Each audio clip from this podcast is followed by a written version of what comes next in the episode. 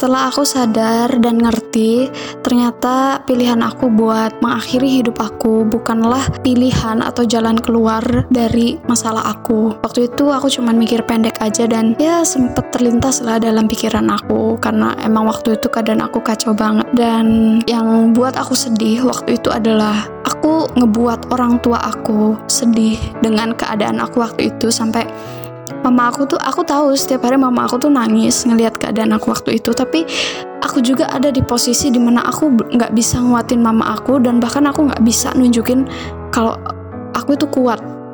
Aku nggak bisa waktu itu. Tapi setelah sadar akhirnya aku ngerti bahwa waktu itu aku bener-bener ngecewain orang tua aku.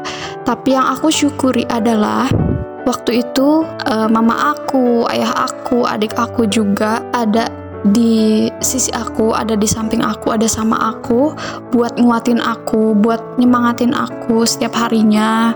Mereka bilang kalau aku itu kuat, apa yang udah terjadi ya udah terjadi dan aku pasti bakal bisa nemuin jalan keluar dari masalah aku itu aku pasti bisa bangkit dari keterpurukan aku. Mereka itu adalah support terbesar aku, support terbesar di waktu aku lagi jatuh banget dan aku bersyukur banget mereka ada dalam hidup aku. Dan ya intinya buat mengakhiri hidup bukan pilihan atau solusi dari setiap masalah gitu. Jadi jangan pernah jadi bodoh karena memikirkan hal itu. Terus aku dalam keadaan yang terpuruk banget itu dalam waktu yang cukup lama sih karena eh, nggak e, semudah itu buat nyembuhin atau nata lagi mental aku. Nggak semudah itu buat bisa atau berani keluar buat buat berani ngadepin lagi kehidupan itu nggak semudah itu. Jadi butuh waktu butuh proses buat pemulihan. Sampai akhirnya ada titik di mana aku nemuin secercah cahaya buat aku. Jadi kayak waktu itu aku lagi sendiri di rumah karena waktu itu nggak ada siapa-siapa. Aku bingung mau ngapain. Akhirnya aku nemuin satu hal yang aku setelah lihat hal itu tiba-tiba aku ngerasa kayak tertampar lagi. Tapi sekarang tertamparnya tuh kayak tersadarkan aku ngerasa seolah-olah aku disadarin sama keadaan bahwa ternyata aku selama ini udah salah udah salah banget karena aku udah give up sama hidup aku. Aku udah hidup tanpa harapan aku udah hidup tanpa tujuan. Jadi seolah-olah kayak hidup aja tapi nggak tahu mau gimana hidup aku. Sampai aku ngerasa selama ini aku udah salah, selama ini aku udah kacau banget dan mau sampai kapan aku kacau kayak gitu. Aku disadarin, aku bener-bener disadarin sama hal itu. Dan aku sadar bahwa kenapa aku harus terpuruk, kenapa aku harus terjatuh, padahal jalan buat aku itu nggak cuma jalan satu itu aja. Dan Tuhan kasih kita pikiran, kasih kita tangan, kaki, otak itu bisa digunain dan bisa dipakai buat cari solusi dalam setiap masalah, bisa dipakai buat cari jalan keluar kalau kita lagi uh, terjebak dalam satu hal. Sebenarnya kita itu hebat. Sebenarnya Tuhan udah kasih anugerah yang hebat banget buat kita. Tinggal kita gimana memanfaatkan anugerah itu sampai akhirnya aku sadar dan hari itu aku bener-bener ketampar banget bahwa selama ini aku udah terlalu dalam jatuhnya selama ini aku udah terlalu dalam tenggelam dalam kesedihan aku sampai sampai akhirnya aku memutuskan buat oke okay, aku harus mulai lagi. Aku harus berani buat memulai biar hidup aku tetap berjalan biar hidup aku terus berlanjut biar aku nggak ada dalam lubang hitam ini terus gitu.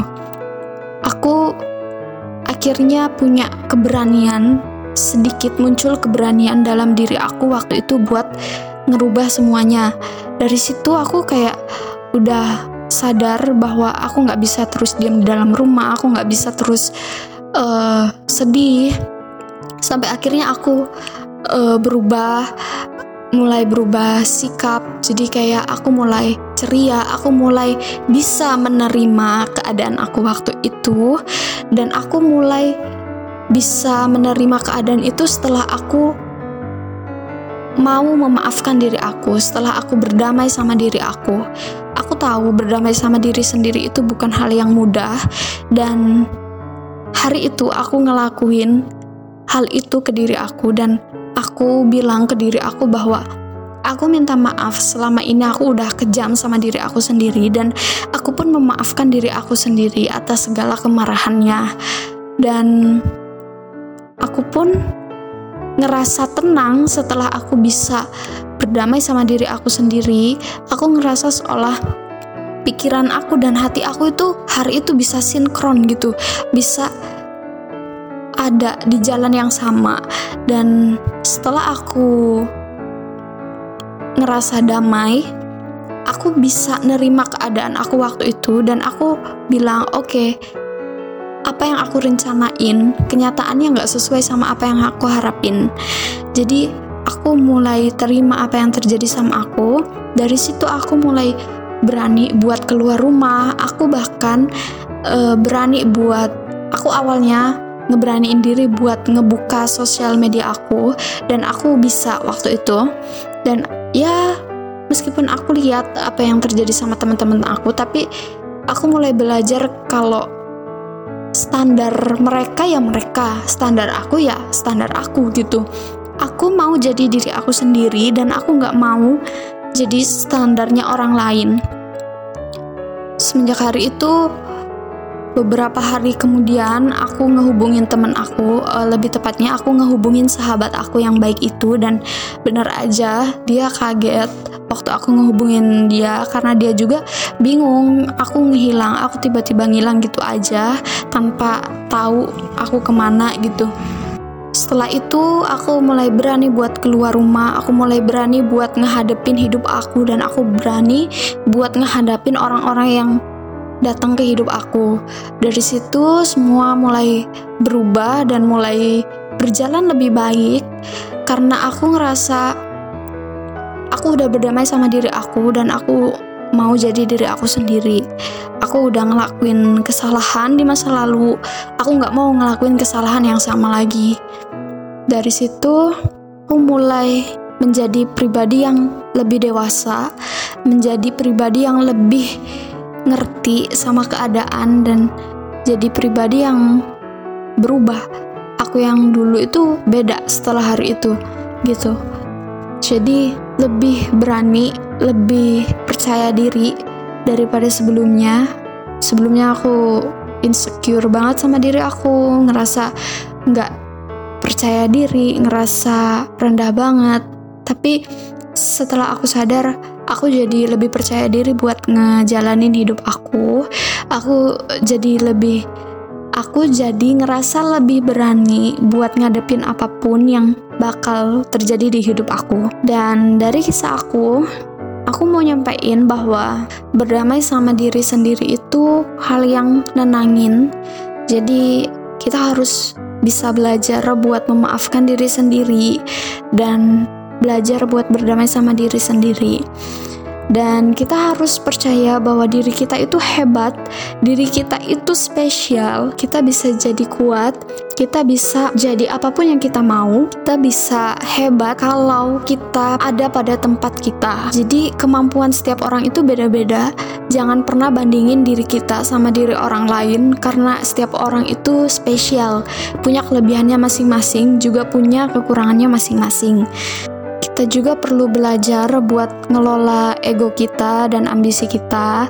Eh, nggak uh, apa-apa kok punya ambisi itu bagus cuman kita harus bisa kontrol. Jangan sampai kita kalah sama ambisi sama ego kita juga um, segitu aja cerita dari aku. Maaf banget kalau kepanjangan, tapi di sini aku cuman ingin share ke kalian dan ya ingin berbagi sama kalian dan aku mau ingetin bahwa jangan nyerah dalam keadaan apa pun.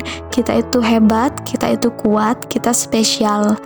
So, aku nggak keberatan banget kalau misalnya kalian ingin berbagi juga sama aku atau kalian ingin cerita sama aku, aku bener-bener seneng banget bisa dengerin kalian. Uh, kalian tinggal DM aja ke Instagram aku at afifasilvia.m Nanti aku bakal dengan senang hati bacain cerita kalian. So ya guys, itu pembahasan kita hari ini. Semoga bermanfaat dan makasih banget udah mau dengerin podcast cerita. Akhir kata dari aku, stay positive and see you.